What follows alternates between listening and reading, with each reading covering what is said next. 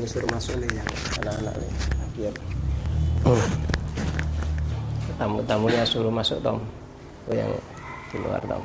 Kasih tempat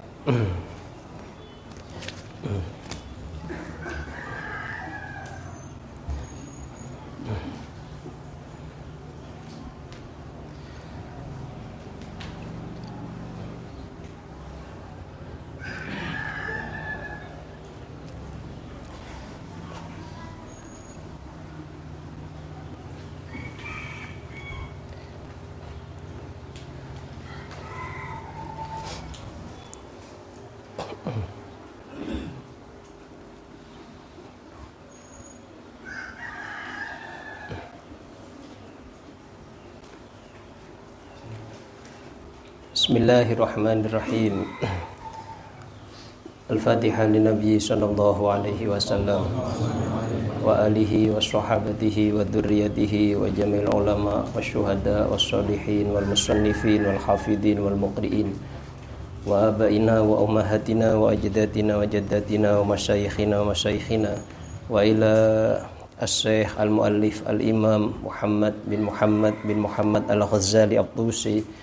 وأصوله وفروعه ومشايخه أن الله يعلي درجاتهم في الجنة ويعيد علينا من أسرارهم وعلومهم وبركاتهم في الدين والدنيا والآخرة بسر الفاتحة أعوذ بالله من الشيطان الرجيم بسم الله الرحمن الرحيم الحمد لله رب العالمين الرحمن الرحيم مالك يوم الدين إياك نعبد وإياك نستعين اهدنا الصراط المستقيم.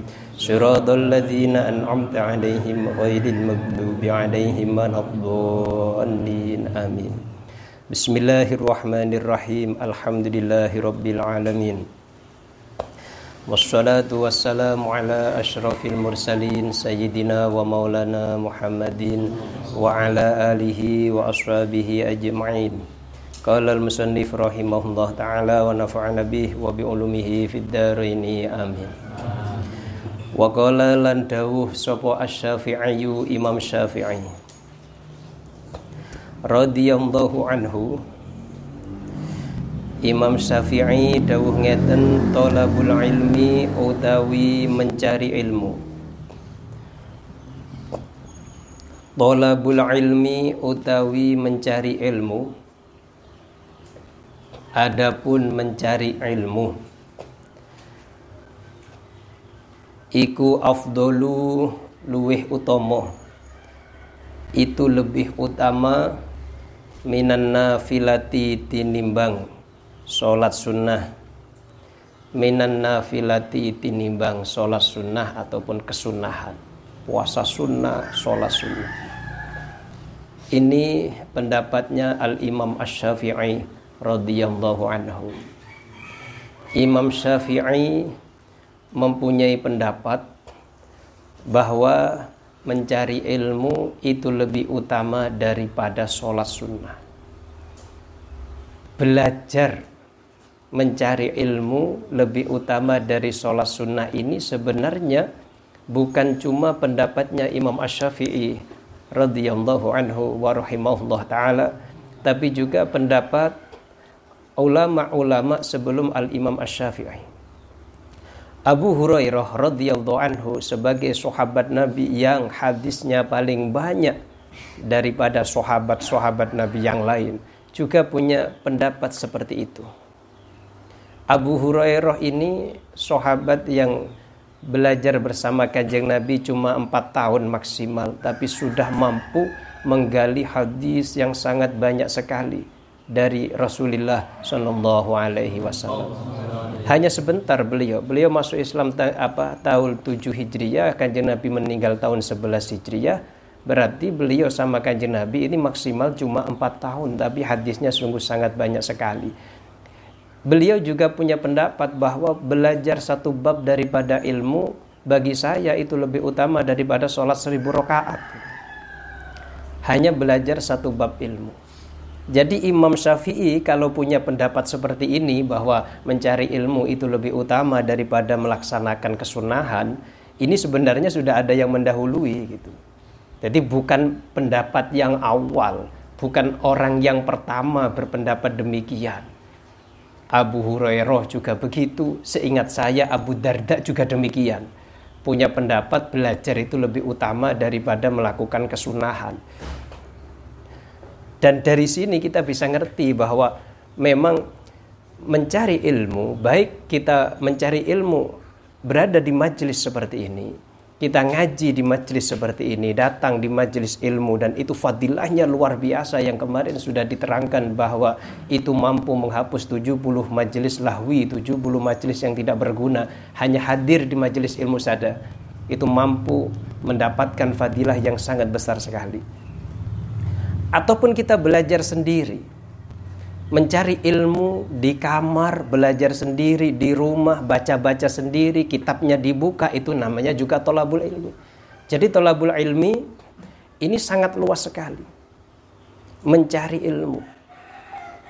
Mencari ilmu tidak harus kita ke guru dan itu sebenarnya penting. Tapi tidak suatu kewajiban, artinya bukan satu keharusan. Tapi memang sebaiknya kalau cari ilmu itu digurukan. Tapi kadang gurunya itu sulit mencari, maka kita para ulama itu sudah cukup. Kita cari sendiri, kita buka sendiri. Kita para ulama, kita pelajari sendiri di rumah cukup. Apalagi ada pembimbingnya, apalagi ada gurunya. Luar biasa mantapnya. Gitu kan. Sekarang sudah luas, kita bisa ngaji lewat internet, kita bisa ngaji lewat YouTube, kita bisa ngaji lewat semuanya. Itu sama sebenarnya sama dengan belajar langsung dari kitabnya. Belajar langsung dari apa yang ditulis oleh para ulama. Ini. Jadi tolabul ilmi ini seperti itu. Lebih utama daripada kita sibuk untuk satu sholat sunnah. Lebih utama daripada kita sibuk untuk melakukan apa namanya puasa. Jadi lebih utama mana antara puasa sunnah dengan mencari ilmu? Jawabannya lebih utama mencari ilmu.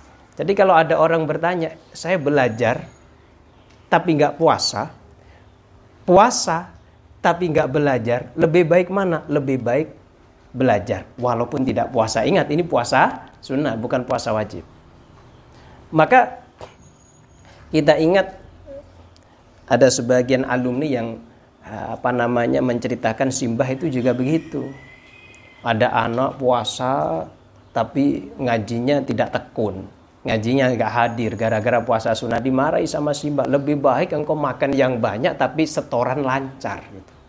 lebih baik engkau makan yang banyak dan berada di majelis ilmu. Guru saya juga punya apa namanya prinsip demikian.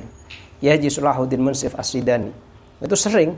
Awal-awal kita mondok di sana dulu ketika itu waktu sebelum ke beliau saya suka sekali berpuasa. Karena bagi saya enak ya berpuasa itu bisa apa namanya e, mengendalikan nafsu salah satunya. Tapi kalau di beliau enggak, yang penting ngaji, ngaji, ngaji, ngaji, ngaji terus. Jangan sampai ada waktu yang tersia-siakan tidak untuk ngaji, tidak ada hubungan dengan ngaji. Maka santri-santrinya jarang disuruh puasa. Ya setiap pondok beda, ya kan. Yang penting ngaji, maka ngajinya terus-terusan. Bahkan satu hari kita bisa ngaji 12 kitab satu hari. Bukan kitab kecil-kecil tapi kitab besar-besar ya benas benas sogir wal kabir ya kan nah, sampai begitu. Prinsipnya yang penting belajar semangat ya. Karena apa? Belajar itu lebih utama daripada kesunahan bahkan walaupun daripada puasa sunnah. Maka saya ingat pesennya siapa namanya Mbah Zainuddin. Mbah Zainuddin Nganjuk ya Mbah Zainuddin Nganjuk itu satu masa dengan Mbah Hasim As'ari. Ini pesan kepada santri ini, Cung, wong iku kudu kaya kebu. Mangane akeh tapi kerjone rusak. Orang itu harus seperti kerbau. Makannya banyak tapi kerjanya kuat. Ojo mangane akeh turune oke makannya banyak, belajarnya tekun, belajarnya kuat. Jadi makannya memang digunakan untuk supaya kuat belajar. mau makan yang banyak, jarang puasa, nggak apa-apa, puasa sunnah saja misalnya, nggak usah, yang penting puasa wajib. Yang penting inti mulai pagi sampai malam tetap belajar terus, tetap ngaji terus. Karena apa? Tolabul ilmi itu lebih utama daripada sholat sunnah, bahkan puasa sunnah, bahkan zikir. Lebih utama mana antara belajar dan zikir? Jawabannya lebih utama belajar, lebih utama cari ilmu daripada daripada apa? Zikir. Majelis zikir baik, siapa mengatakan tidak baik? Fadilahnya besar sekali. Tapi kanjeng Nabi lebih memilih majelis ilmu daripada majelis zikir dan itu menunjukkan keutamaan majelis ilmu daripada majelis zikir. Bahkan Sultanul Ilmi Al-Habib Salim bin Umar Asyadiri sering saya sampaikan mengatakan bahwa majelis ilmu seribu kali lebih baik daripada majelis maulid. Majelis ilmu seribu kali lebih baik daripada majelis maulid. Ya. Kemarin juga telah kita sampaikan kan salah satu Habib ya Habib Umar bin Smith saya ingat saya mengatakan bahwa seandainya seandainya saja seandainya ini kata beliau cuma seandainya Kanjeng Nabi menemukan dua majelis, satu majelis belajar mengajar, satu majelisnya ada majelis menyebutkan sirah nabawiyah, menyebutkan sifat-sifat Nabi. Pasti kata beliau, Kanjeng Nabi akan memilih majelis di situ dibahas tentang masalah keilmuan. Majelis sirah nabawiyah, majelis sama ilmu Muhammadiyah ini bagus, ya kan? Tapi ada yang lebih bagus, yaitu majelis ilmu. Alhamdulillah tapi Ketika ada majelis maulid sekarang ini mesti ada majelis ilmunya menggabungkan di antara dua hal yaitu majelis halakoh ilmiah dan juga halakoh dzikr. Maka majelis maulid yang selanjutnya diisi dengan pengajian, diisi dengan mauidhah hasanah, menerangkan mana yang halal, mana yang haram. Ini adalah majelis yang sangat-sangat sempurna. Menggabungkan dua hal yang semuanya baik, satunya lebih baik. Kalau itu ada satu pertanyaan di sini yang muncul. Lu kenapa sih? Ini ada satu pertanyaan yang muncul. Kenapa majelis ilmu itu lebih utama daripada majelis dikir? Daripada sholat sunnah ya, kita keliru tadi. Kenapa sih mencari ilmu itu lebih utama daripada sholat sunnah? Ada pertanyaan yang di sini harus kita jawab ini. Alasannya satu, karena Allah Ta'ala berfirman, wa rabbi zidni ilma. Satu ini. Wa rabbi zidni ilma. Katakan Muhammad, ya Rob, wahai Tuhanku, tambahi saya ilmu. Di sini Kanjeng Nabi diminta oleh Allah Ta'ala untuk meminta tambahan dan itu adalah minta tambahan ilmu. Kalau seandainya ada yang lebih utama daripada ilmu, pasti Kanjeng Nabi disuruh untuk mencari hal tersebut. Kalau seandainya ada yang lebih baik daripada ilmu, pastikan Nabi diperintahkan untuk mencari tambahan hal tersebut. Tapi karena tidak ada yang lebih baik daripada ilmu. Walas solat an-nafilah lah. Walas siam lah. Ya. Siam kalah. Siam sunnah. Solat sunnah kalah. Dikir juga sunnah. Maka kanjeng dikir juga kalah dengan tolabul ilmi. Maka kanjeng Nabi diperintahkan untuk mencari tambahan ilmu, bukan untuk mencari tambahan misalnya nafilatan wa qurrabbi zidni nafilatan wa qurrabbi zidni siaman nafal wa qurrabbi zidni dzikron wa qurrabbi zidni alalala ndak mboten-mboten. Sing ono mung niku mawon wa qurrabbi zidni ilma. Ini alasannya kenapa mencari ilmu itu lebih utama daripada sholat sunnah daripada puasa sunnah bahkan semacam itu. Seluruh ibadah itu setelah kefarduan yang paling utama adalah soal apa namanya mencari ilmu. Alasan nomor dua adalah apa yang disebutkan oleh al Imam al Khatib al Baghdadi beliau mengatakan begini di zaman ini katanya beliau mencari hadis itu lebih utama. Min sa'iri anwa'it tatawwu'i kata beliau. Di zaman ini, katanya Syekh Khotib Al-Baghdadi zaman dulu. Zaman ini tolabul hadis afdal. Min sa'iri tatawwu' mencari hadis lebih utama dari seluruh kesunahan-kesunahan. Mencari hadis, belajar hadis. Belajar hadis kayak apa? Pelajari sendiri kalau sekarang. Sekarang kitabnya sudah dicetak. Kalau zaman dulu ya Allah gak ada dicetak-cetak itu sulit. Ya, sekarang sudah ada internet, sudah ada sembarang, sudah ada semuanya, YouTube ada, tinggal kita buka saja. Di situ kita sudah bisa mencari hadis. Zaman dulu harus rihlah, harus melakukan perjalanan demi untuk mencari ilmu dari satu negara ke negara lain. Maka sampai ada kitab rihlah. Rihlah fitolabil hadis. Itu banyak cerita-cerita ulama dulu dalam apa namanya perjalanan mereka hanya demi untuk mencari kadang cuma satu hadis saja. Dan itu menempuh perjalanan yang sangat jauh sekali lintas negara ke mancanegara. Hanya mengambil satu hadis. Sekarang enak. Kita belajar hadis tinggal ambil kitab Sahih Bukhari, kita buka. Nah, pelajari itu hadis dan itu lebih utama daripada seluruh kesunahan. Maka kita ada istilahnya ada apa ya? Ada saya ingin uh, kebiasaan menyampaikan hadis ini di, uh, di, di, disampaikan sehingga kita lebih kenal terhadap hadis Nabi walaupun itu sifatnya masalah fadail fadail saja. Saya punya program ini nanti setiap seminggu sekali saya akan mengasihkan ijazah bisanat ila Rasulillah Shallallahu alaihi wasallam secara virtual karena ini nggak mungkin zaman sekarang kok apa lagi pandemi ini kok kumpul-kumpul ya. Banyak orang kan nanti fitnah kan. Kalau ini yakin semua insya Allah aman ya. berani datang ke sini aman-aman semuanya keluarganya aman insya Allah. Bi barokatil Imam Al Ghazali wa barokatil Ihya. Nanti setiap seminggu sekali melalui channel kita kita akan mengijazahkan sanat apa amaliyah yang itu terus sampai baginda Rasulullah Shallallahu Alaihi Wasallam sanatnya mutasil, sanatnya sambung sampai kanjeng Nabi. Kita sampaikan nanti hadis setiap minggu, setiap malam ahad kita sampaikan. Nanti akan ada pengumumannya supaya istilahnya kita terbiasa untuk tolabul hadis, mencari hadis walau kana min YouTube, ya kan? Walaupun lewat YouTube, tidak apa-apa. Insya Allah sambung itu sanatnya sambung, apalagi live. Enggak live saja ketika orangnya sudah mengatakan siapa pun yang mendengar selama saya masih hidup, yang mendengar pidato saya ini, yang mendengarkan video saya ini, kita kasih ijazah. Itu hukumnya sama dengan surat. Ketika saya mensurati jenengan, engkau saya ijazahi ini semuanya misalnya. Sama. Seperti zaman dulu ulama ketika minta sanat, itu hanya lewat surat kadang. Lewat surat dikirim ke saya sana, saya sana ngirimi lagi. Minta ijazah dikirimi lewat surat. Nah, tidak pernah ketemu Cuma murau salah istilahnya. Saling mengirimkan surat. Sekarang bisa tatap muka walaupun beda negara kan subhanallah.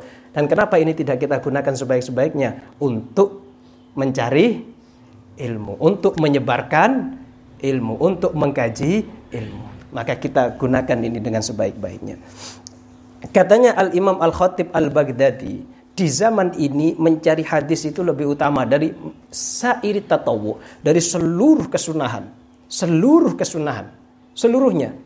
Baik itu sholat, baik itu zikir, baik itu puasa. Kalah semua dengan mencari ilmu. Apa? Kenapa?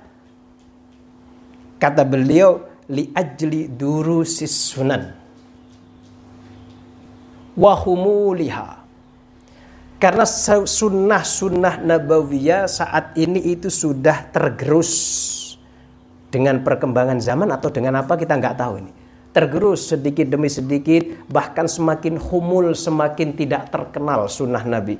Yang melakukan sunnah Nabi dianggap melakukan kebitahan, yang melakukan sunnah Nabi dianggap sebagai kuno, yang melakukan sunnah Nabi dianggap terbelakang. Ini humul, bahkan orang sudah kadang nggak kenal ini sunnah Nabi kata beliau. Li ajli duru si sunan wa humuliha. Karena kesunahan sekarang sudah tergerus jarang orang melakukannya, sudah humul. Gitu. Maka lebih baik waduhuril bidah banyak kebid'ahan yang menguasai adalah orang-orang yang melakukan kebid'ahan. Maka mempelajari hadis Nabi, mempelajari sunnah Nabi, walau kana min internet, walau kana min YouTube, walau kana min media sosial, itu lebih utama daripada sholat sunnah, daripada puasa sunnah, daripada zikir maka akan kita sampaikan nanti setiap apa namanya akhir pekan ya bahasa sekarang weekend ya kan ya, kita akan sampaikan itu hadis Nabi beserta sanad dan itu berkaitan dengan amal aliyah amaliyah supaya nyambung sampai Rasulullah Shallallahu Alaihi. Ya. Kita mengamalkan misalnya kalau setelah sholat kita wiritan subhanallah subhanallah. Ya diamalkan. Tapi jenengan tidak pernah tahu ijazahnya tidak pernah tahu sanatnya sampai Rasulullah Shallallahu Alaihi Wasallam. Kita akan sampaikan yang model kayak gini ini. Kita kadang kalau ada orang meninggal dunia kita bacakan surat yasin. Ada dalilnya di hadis kah? Ada. Kita ngamalkan hadis, tapi sana kita nggak mutasil sampai Rasulullah, nggak punya ijazah. Ya memang nggak apa-apa, walaupun nggak ada ijazah langsung kita amalkan. Tapi alangkah indahnya, alangkah baiknya kalau itu disambung sanat dengan guru yang sampai mutasil ila Nabi Muhammad Alaihi Wasallam yang menganjurkan kita semua untuk melakukan hal ini. Alangkah baiknya kalau begitu. Maka itu memang apa namanya menjadi keinginan kita semuanya untuk menyampaikan hadis Nabi berkaitan dengan amalia-amalia yang biasa kita lakukan sehari-hari supaya kita punya ijazahnya, supaya kita punya sanatnya, supaya kita punya rantai mata rantai guru yang nyambung terus sampai kanjeng Nabi. Kan enak kalau kita punya mata rantai itu. Bisa-bisa diakui ini muridnya ini, ini muridnya ini, runtut terus sampai kanjeng Nabi Muhammad SAW ada silsilah di situ. Ada silsilatun apa namanya bukan silsilatun nasab tapi silsilatus sanat. Kita akan memperkenalkan itu walaupun sebenarnya mungkin banyak sebenarnya para kiai yang sebenarnya punya apa namanya sanat yang banyak sekali. Ya, kita memperoleh sanat itu dari para kiai-kiai yang mereka humul, yang mereka ya itu ya humul lah, tidak mau keluar, adanya cuma di rumah ya Nah, kita sekarang ya harus memperkenalkan itu, harus menyampaikan itu semua kepada masyarakat. Ini alasannya kenapa belajar ilmu itu lebih utama. Yang dimaksud adalah ilmu agama daripada kesunahan. Kenapa? Sekarang kesunahan itu sudah tergerus oleh zaman. Kesunahan sudah tidak terkenal. Maka kita sampaikan kesunahan Nabi. Kayak apa sih sunnah Nabi? Kita hidupkan lagi agama Allah. Kita hidupkan lagi sunnah Rasulullah Sallallahu Alaihi Wasallam. Termasuk halako ilmiah kayak ngeten Ini sunnah nabawiyah jenengan hadir dari rumah ke sini. Ya, ini termasuk sunnah nabawiyah. Melaksanakan sunnah nabawiyah. Sedikit demi sedikit kita laksanakan sunnah nabawiyah. Supaya nanti paling tidak bisa mempengaruhi kita sendiri. Supaya semakin bisa dekat kepada Allah subhanahu wa ta'ala. Nomor tiga, kanjeng Nabi pernah mengatakan fadlul abidi fadlul alimi alal abidi kafadli ala adnakum kata Rasulullah rawahu Tirmidzi wa qala hasanun sahih Kanjeng Nabi pernah mengatakan begini, keutamaan orang yang alim mengalahkan orang yang ahli ibadah adalah seperti keutamaanku mengalahkan paling rendahnya daripada kalian, para sahabat Nabi. Jadi itu. Jadi orang yang alim sama kanjeng Nabi diperumpamakan kayak beliau, orang yang ahli ibadah diperumpamakan kayak sahabat yang paling rendah. Orang yang alim itu lebih utama daripada orang yang ahli ibadah kata Nabi. Seperti saya, seperti keutamaan saya mengalahkan paling rendahnya di antara kalian semua kata kanjeng Nabi. Berarti betapa jauh derajat antara orang yang alim dengan orang yang ahli ibadah. Di situ pun kita bisa paham ya, oh berarti mencari ilmu itu lebih baik daripada beribadah. Dari sini kita bisa paham sudah. Kalau mencari ilmu itu lebih utama daripada beribadah yang sifatnya sunnah. Beda kalau sifatnya wajib. Ini. Ini dalil-dalil kenapa Imam Syafi'i mengatakan tolabul ilmi afdolu minan nafilati. Mencari ilmu itu lebih utama daripada kesunahan. Imam Nawawi, Imam Syafi'i mulai kecil sudah diarahkan oleh ibunya untuk ngaji. Mulai kecil jadi orang tua ini punya peranan penting untuk keberhasilan pendidikan anak itu orang tua. Penting sekali peran orang tua di sini. Imam Syafi'i asalnya kan lahir di Gaza. Bapaknya meninggal dunia sama ibunya dibawa ke Mekah. Supaya apa? Supaya belajar ke ulama-ulama di Mekah. Supaya bahasa Arabnya fasih dikirim ke pinggiran-pinggiran kota Mekah. Supaya mempelajari bahasa Arab yang belum bercampur dengan bahasa-bahasa lainnya. Itu Imam Syafi'i. Ya.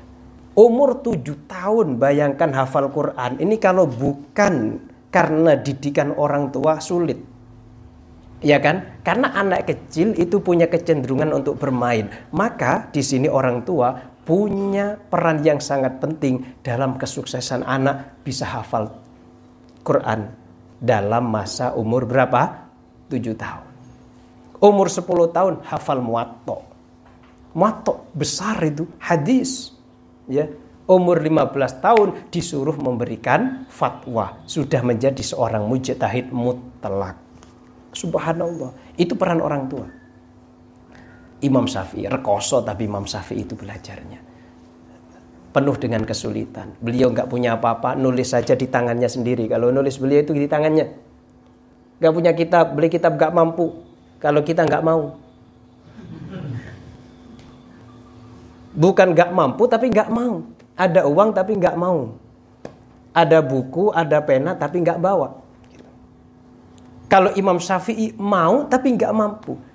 Apa yang beliau lakukan? Beliau tetap semangat belajar. Ya, kalau ngaji, beliau sama Imam Malik nulis di tangannya, di punggung tangannya begini, nulisnya. Apa yang disampaikan oleh Imam Malik, hadis yang disampaikan oleh Imam Malik ditulis di tangannya. Nah Imam Syafi'i ada di belakang. Sehingga guru itu kan biasanya lihat murid-muridnya, dilihat gini. Penting nadratul ustadz itu penting loh ya delok ini. Sing tenanan sing turu sapa. Lah Imam Malik di tengah-tengah ngajar itu melihat gini. Sopo arek cilik enom. Masih muda Imam Syafi'i. Tolanan dewi. Perasaan beliau ini. Tapi dibiarkan aja wong tengah-tengah imlaul hadis, tengah-tengah menyampaikan hadis, imla melalui dikti, melalui hafalan sampaikan. Sekarang waduh, sulit mencari ulama yang imlaul hadis ini sulit. Ya. Dulu pernah di Mesir namanya Syekh Ahmad bin Siddiq Al-Humari. Syekh Ahmad bin Siddiq Al-Humari ini sebenarnya orang Maroko, ya, berada di Mesir dan beliau menghidupkan tradisi imlaul hadis bil hifat. Sanad beliau sampai Kanjeng Nabi beliau sampaikan. Misalnya Sahih Bukhari, beliau punya sanad Sahih Bukhari, dia beliau sampaikan mulai beliau sampai guru beliau sampai kanjeng Nabi hadisnya disampaikan. Kayak begitu. Subhanallah, ini kalau nggak nggak punya otak cerdas nggak bisa ini. Sekarang sulit, ya kita harus baca baca teksnya kalau nggak nggak nggak kesampaikan itu nanti. Apa yang disampaikan? Imam Syafi'i tulis sama Imam Syafi'i. Imlaul hadis ketika ngimla itu Imam Syafi'i kelihatan oleh Imam Malik ini anak kok main-main sendiri kenapa nih katanya. Setelah selesai dipanggil. Nak, sini. Tadi saya lihat tengah-tengah ngaji kok bermain-main sendiri mempermainkan punggung tanganmu katanya. Oh tidak saya, saya tidak main-main. Tadi saya itu menulis apa yang engkau sampaikan di punggung tangan saya. Kalau jenengan mau, kalau jenengan mau, akan saya sampaikan sekarang juga seluruh hadis yang tadi engkau sampaikan dengan hafalan saya. Wah, antik. Satu majelis menyampaikan kadang 10 hadis, sanatnya mulai Imam Malik sampai kanjeng Nabi dihafal langsung oleh Imam Syafi'i. Kalau jenengan mau akan saya ulangi lagi hadis-hadis yang jenengan sampaikan. Oh, tayyib katanya Imam Malik. Eh, eh langsung. Ya Allah. Dalam riwayat lain disebutkan entah ini dalam satu majelis itu atau di majelis yang lain persis seperti ini Imam Imam Malik mengatakan begini saya kunu laka sya'nun. Kau akan jadi orang besar saya kunu laka sya'nun. Kau akan jadi orang besar. Imam Syafi'i yang kayak gini ini niru gurunya. Imam Malik ya koyok ngono. Makanya nek guru alim itu biasanya dua murid alim Makanya nek golek guru ya sing tenanan, sing alim pisan. Pondokno anake nang guru sing alim tenanan. Gitu. Cok nanggung-nanggung wis. Gitu. Sing alim tenanan. Banyak orang alim di Indonesia ini, banyak sekali. Gitu. Dan Mbah Najih Maimun, ya alim. Gitu. Guru saya Ki Haji Sulahuddin Munsif alim sekali. Gitu. Banyak sekali di Indonesia orang-orang alim. Gus Baha alim juga. Seleting dengan guru saya cerdas kalau beliau ya kan guru alim punya murid alim Imam Malik juga begitu orangnya hafal ngaji kepada Muhammad bin Syihab Az-Zuhri hari raya beliau tetap mau ngaji hari raya ini. Sowan, assalamualaikum, waalaikumsalam. Kasih jajan sama saya Muhammad bin Syab Azuri. Ini kuenya, eh dimakan, dimakan, dimakan. Maaf saya, saya ke sini bukan karena hari rayaan, bukan silaturahmi hari raya. Apa? Saya mau ngaji. Wah, katanya Muhammad bin Syab Azuri. Yang kemarin sudah hafal lah. Oh sudah, kalau jenengan mau saya sampaikan sekarang hafalan saya. Langsung sampaikan, ya silakan katanya. Sampaikan hafalannya. Oh ya ya ya ya. Sekarang ini tak tambah hadisnya kata Imam Muhammad bin Syab Azuri kepada Imam Malik. Subhanallah kayak gitu. Imam Syafi'i yang kayak gitu juga punya murid Imam Ahmad bin Hambal. Podong kok terus kok ngoten niku. Nggih. Makanya ketika ada guru alim, itu insya Allah ada muridnya yang alim. Gitu. Bahmun alim, punya murid alim-alim, punya murid kiai-kiai, ya kan semuanya jadi orang semuanya. Ya karena itu. itu Imam Syafi'i. Salah satu apa namanya rahasia kenapa beliau itu uh, mempunyai ilmu yang sangat tinggi sekali. Karena apa? Didikan orang tua, pengaruh orang tua. Kullu mauludin yuladu alal fitrah. Fa'abawahu yuhawidanihi au apa nama yunassironihi au nihi Bapaknya ya, yang akan mempengaruhi terhadap anaknya adalah bapak dan ibunya. -mm. nah ini. Jadi inilah dasar-dasar kenapa mencari ilmu, alasan kenapa mencari ilmu itu lebih utama daripada kesunahan. Dan seperti yang saya katakan awal tadi, ini sebenarnya bukanlah pendapat awal daripada Imam Syafi'i. Artinya ini bukan pendapatnya Imam Syafi'i satu-satunya. Banyak ulama lain yang berpendapat seperti Imam Ash-Syafi'i. Ya. Ibnu Mas'ud pun mengatakan beliau bahwa sungguh duduk di majelis fikih kata beliau la an ajlisa fi majlisi fikhin sa'atan ahabbu ilayya min siyami yaumin wa qiyamin nahar kata Ibnu Mas'ud. Sungguh saya duduk di majelis fikih ngaji fikih ngaji ilmu ngaji masalah solat ngaji tentang masalah wudhu ngaji tentang masalah pernikahan ngaji masalah tentang tolak, tentang mu'alam, mu'amalah, bagaimana cara sholat, apa sholat sunnah, apa namanya mandi wajib, itu lebih utama, lebih saya sukai daripada puasa di siang hari dan sholat di malam hari. Sebentar saja, nggak usah lama-lama. Itu kata Ibnu Mas'ud. Ini yang ngomong kayak gini, ahli ilmu semua. Ibnu Mas'ud siapa yang nggak kenal beliau? Kanjeng Nabi itu mengatakan bahwa istak ri'ul Quran min arba'atin. Belajarlah Quran dari empat orang. Salah satu yang beliau rekomendasikan adalah Ibnu Umi Ma'badin yaitu Abdullah bin Mas'ud. Ini beliau. Rekomendasi khusus dari kajian Nabi kalau baca Quran ini ini loh kalau ingin belajar Quran pada beliau empat orang termasuk yang disebut adalah Ibnu Mas'ud. Walim ini orangnya, khususnya berkaitan dengan Quran. Alim pol Ibnu Mas'ud ini. Alim sekali orangnya. Karena selalu bersama kanjeng Nabi. Kanjeng Nabi ke mana pun dia ikut aja gitu. Sukanya dia membawakan apa namanya sandal Nabi. Sukanya membawakan apa air untuk kesucian Nabi. Itu Ibnu Mas'ud. Ke mana-mana itu beliau yang bawa. Kala makanya ketika Quran turun, di mana pun Quran turun, kapan pun Quran turun, apa sebabnya Quran turun, dia tahu. Ibnu Mas'ud ini, dia sendiri yang mengatakan, beliau sendiri yang mengatakan, tidaklah Quran turun kecuali saya tahu di mana tempatnya, apa sebabnya. Saya tahu. Kalau ada orang yang lebih alim dari saya, saya akan belajar lagi kata beliau. Kalau ada orang yang lebih tahu dari saya, saya akan belajar lagi kata Ibnu Mas'ud. Ya, subhanallah, itu Abdullah bin Mas'ud. Kalau punya pendapat bahwa belajar fikih satu waktu saja. Saatan ini gak harus satu jam. Gak harus satu jam.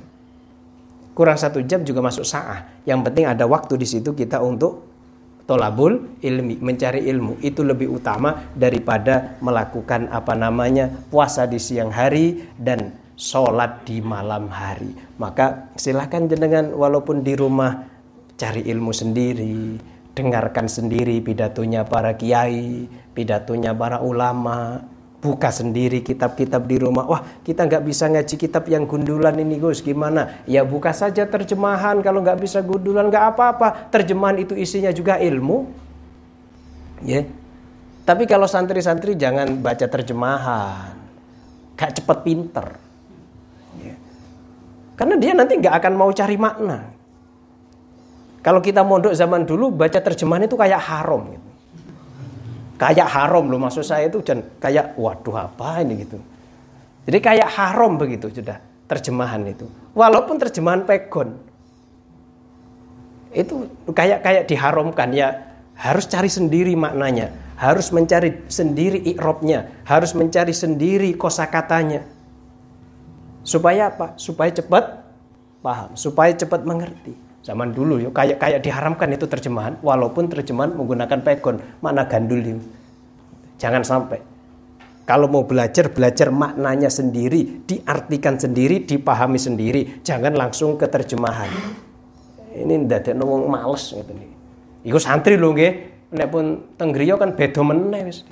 Kate buka kamus dhewe yo anake nangis ini. Istrine bengok-bengok wis iki dapurnya gak muruk. ya, ada waktunya masing-masing ya kan. Sudah ada waktunya sendiri sendiri ya kan. Ini bagi santri para santri ya ini beda lagi kan gitu nanti. Gola itu. Jadi keutamaan ilmu mengalahkan keutamaan ibadah ini bukan cuma pendapatnya Imam Syafi'i bahkan Imam Mutarif bin Sikhair Mutarif bin Abdullah ibnu Sikhair juga mengatakan keutamaan ilmu fadlul ilmi indallah afdalu min fadlil ibadah. Keutamaan ilmu menurut Allah Ta'ala itu lebih utama daripada keutamaannya ibadah. Ini adalah pendapat para ulama-ulama yang berkaitan dengan keutamaannya mencari ilmu, mengalahkan keutamaannya ibadah, khususnya yang dimaksud adalah ibadah sunnah. Qala wa qala lan Ibnu Abdul Hakam rahimahullah taala. Murid Imam Malik. Wa qala lan dawuh sapa Ibnu Abdul Hakam rahimahu mugi-mugi melasi ing Ibnu Ibnu Abdul Hakam sapa Allahu Allah. Sunnahnya kalau kita menyebut nama ulama rahimahullah taala tambahkan di belakangnya. Kalau menyebut nama sahabat tambahkan radhiyallahu anhu. Kalau menyebut nama Kanjeng Nabi Muhammad sallallahu alaihi wasallam tambahkan sallallahu alaihi wasallam. Itu hukumnya sunnah juga sebagai bentuk penghargaan kita kepada para ulama. Doa kita kepada mereka kepada beliau ya. Qala kuntu dawe Ibnu Abdul Hakam kuntu ono sapa ingsun iku inda Malikin ing dalam sandingi Imam Malik. Aqra'u macakno sapa ingsun membacakan sapa ingsun alaihi ing atase Malik al ilma ing ilmu. Aqra'u membacakan sapa ingsun alaihi ing atase Malik al ilma ing ilmu. Jadi sorokan itu. Membacakan sorokan ilmu. Sorokan itu sudah mulai zaman dulu. Fadakhola nuli masuk opo ad-duhru duhur tengah-tengah belajar, tengah-tengah sorokat, masuk waktu duhur. Fajama'tu nuli ngumpulno sapa ingsun Fajama'tu nuli ngumpulno sapa ingsun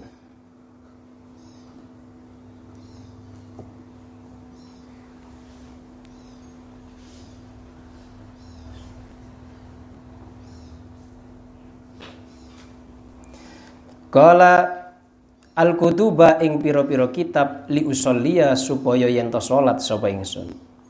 Lalu kitab tak tutup gitu. Tengah-tengah ngaji waktu adzan duhur masuk tak ketutup kitabnya. Faqala mongko dawuh sapa Imam Malik ya hadza hi iki wong. Ya hadza hi iki wong.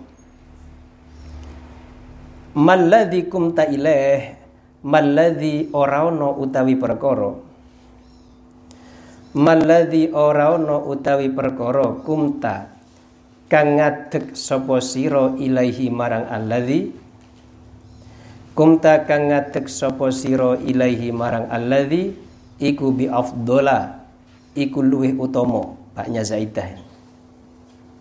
Iku bi afdola luwih utama mimma tinimbang perkara. Kunta kang ana sapa sira? Kunta kang ana sapa sira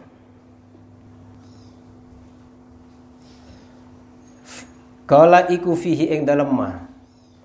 Ida sohat ing dalam nalikani bener opo an niyatu niat. Ida sohat ing dalam nalikani bener opo an niyatu niat. Ibnu Abdil Hakam.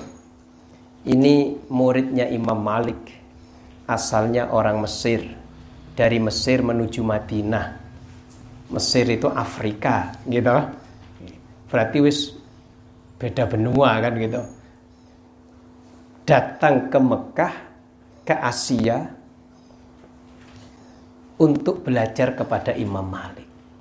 Setelah belajar, beliau kembali lagi ke negaranya, yaitu ke Mesir. Di sanalah beliau menjadi apa namanya imam, menjadi seorang ulama yang sangat terkenal sekali. Kepemimpinan, pangkat, kedudukan secara keagamaan ya, dimiliki oleh beliau antiknya ketika Imam Syafi'i hijrah ke Mesir. Imam Syafi'i hijrah ke Mesir. Ya. Yang asalnya ada di Baghdad, hijrah ke Mesir. Beliau ini Imam Syafi'i menginap di rumahnya Ibnu Abdul Hakam ini. Di sana beliau menempat. Antik ya.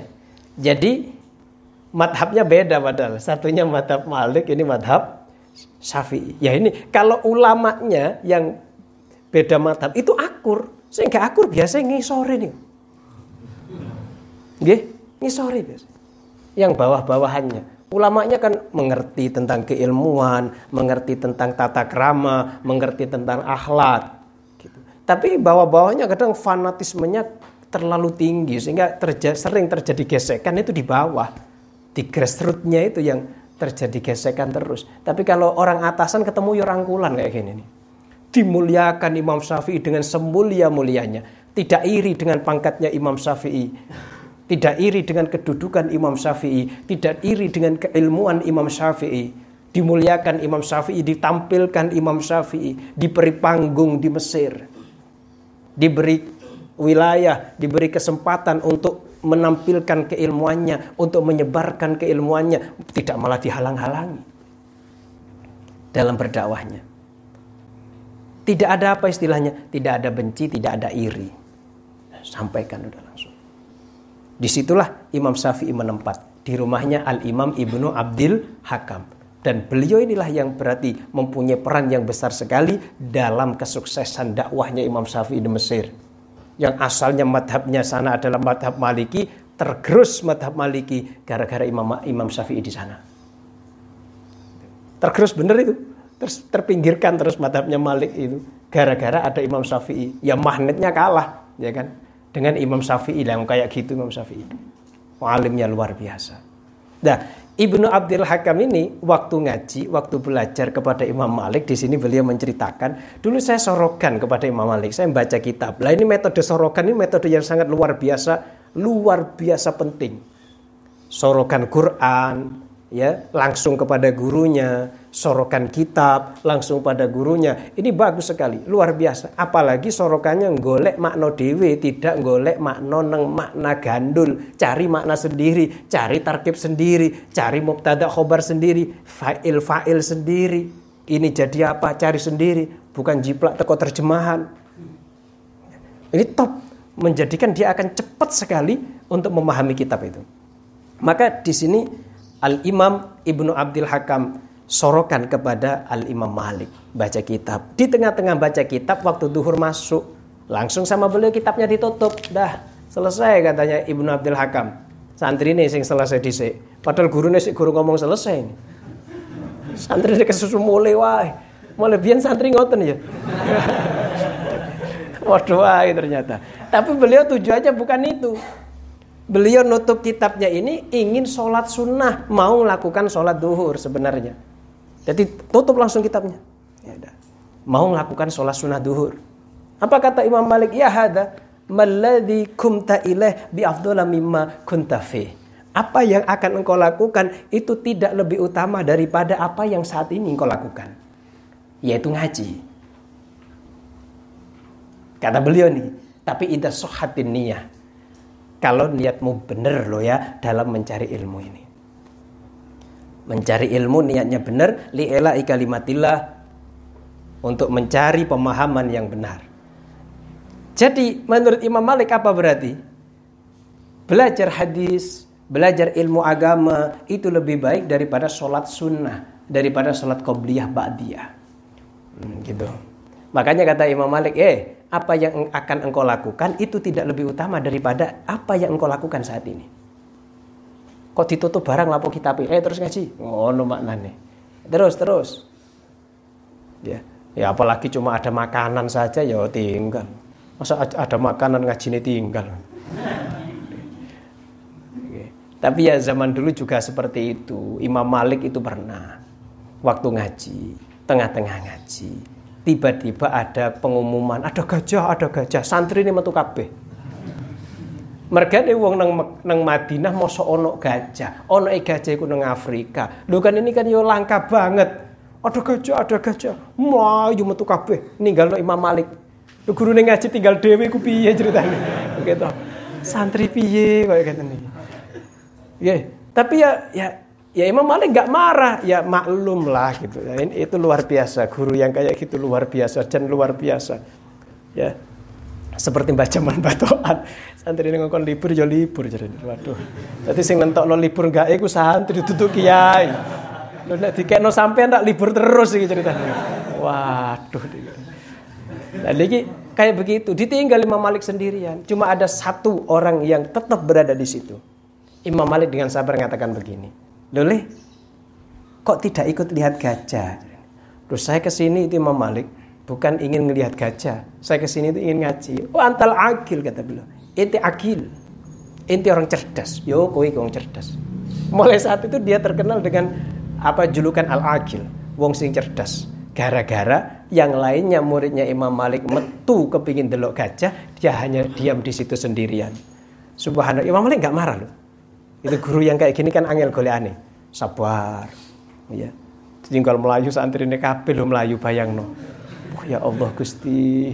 Sabar. Kan gak ndak ndungakno elek. Mboten mugo gak manfaat ilmu. Mboten. Subhanallah. Naudzubillah. Jangan sampai kita mendoakan yang enggak-enggak untuk santri kita. Ya, kalau santri kita jadi orang nanti yang manfaat ya kembali kepada kita kok.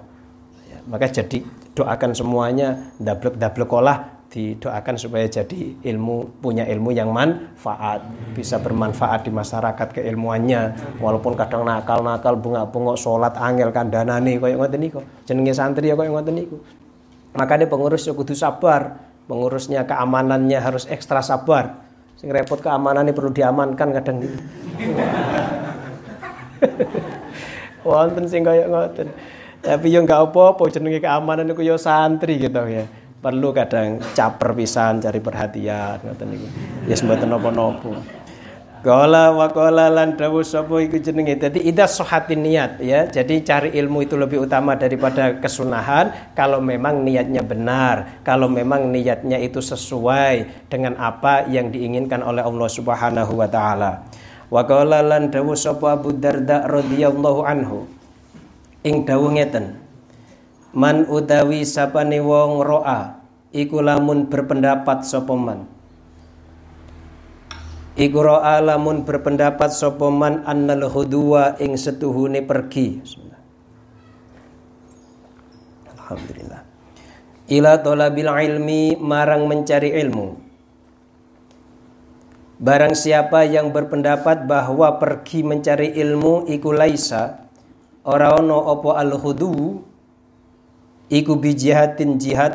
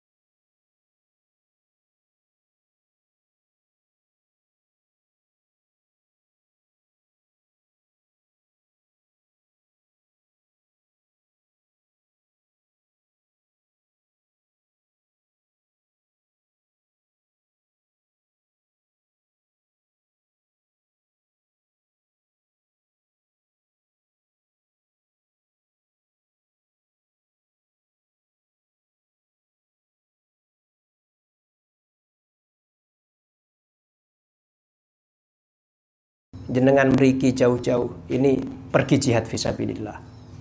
Mencari ilmu itu adalah jihad visabilillah.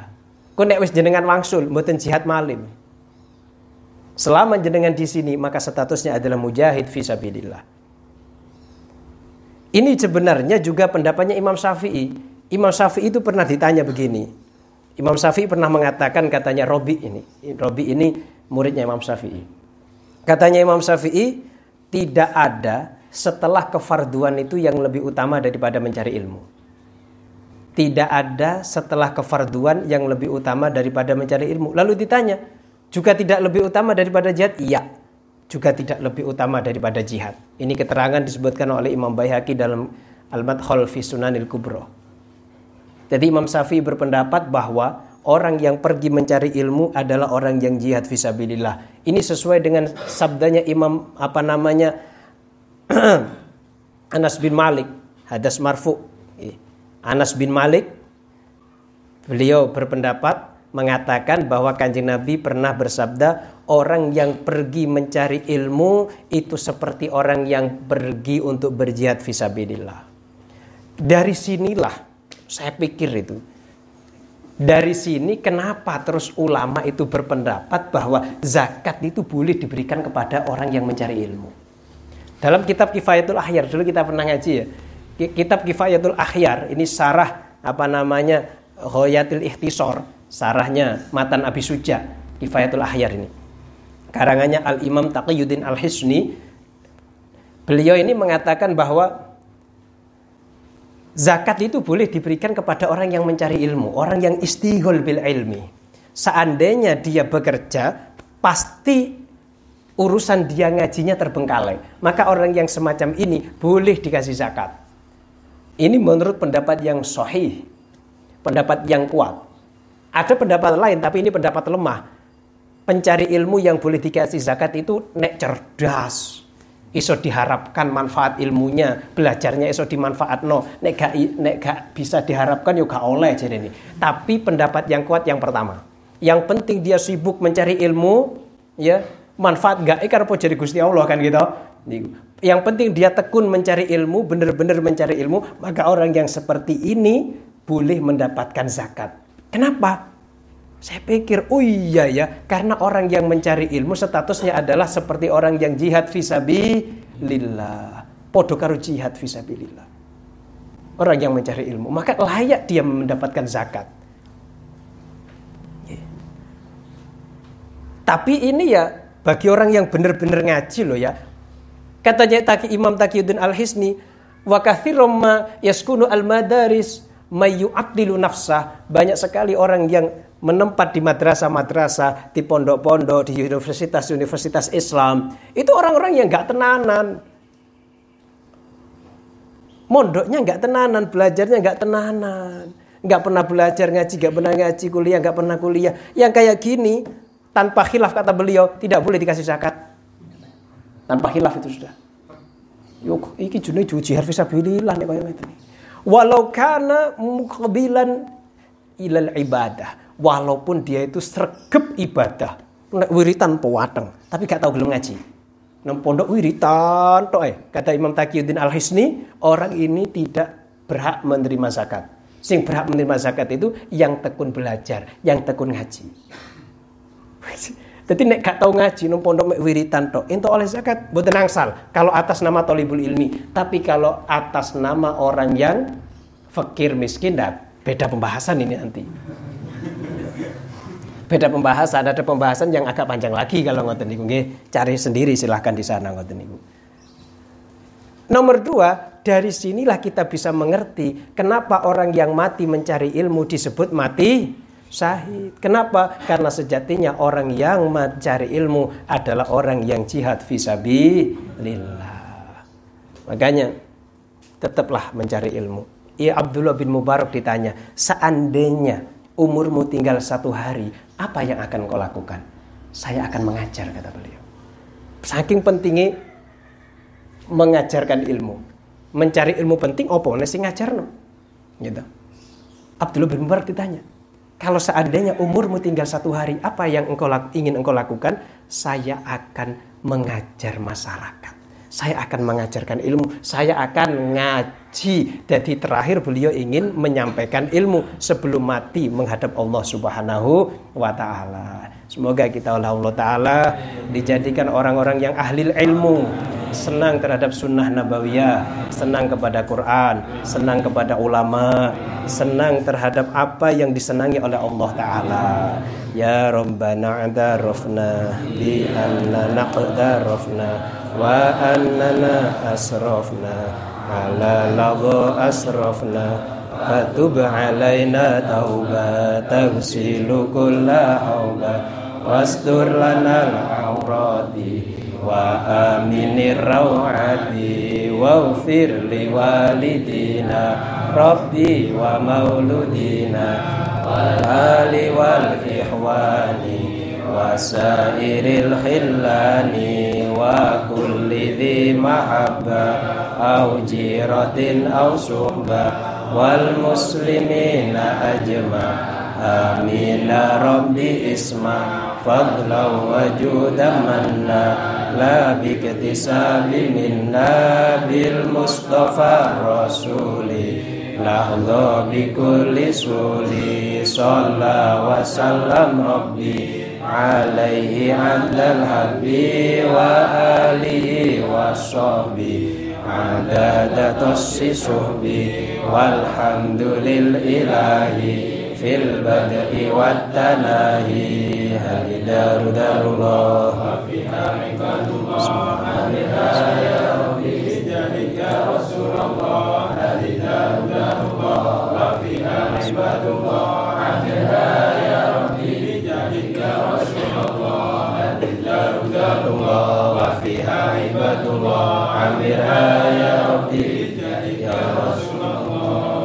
warzuqna al-istiqamah wal ikhlas bi sirril Fatihah. A'udzu billahi minasyaitonir rajim. Bismillahirrahmanirrahim. Alhamdulillahirabbil alamin arrahmanir rahim maliki yaumiddin. Iyyaka na'budu wa iyyaka nasta'in ihdinas siratal mustaqim. Siratal ladzina an'amta 'alaihim ghairil maghdubi 'alaihim waladdallin.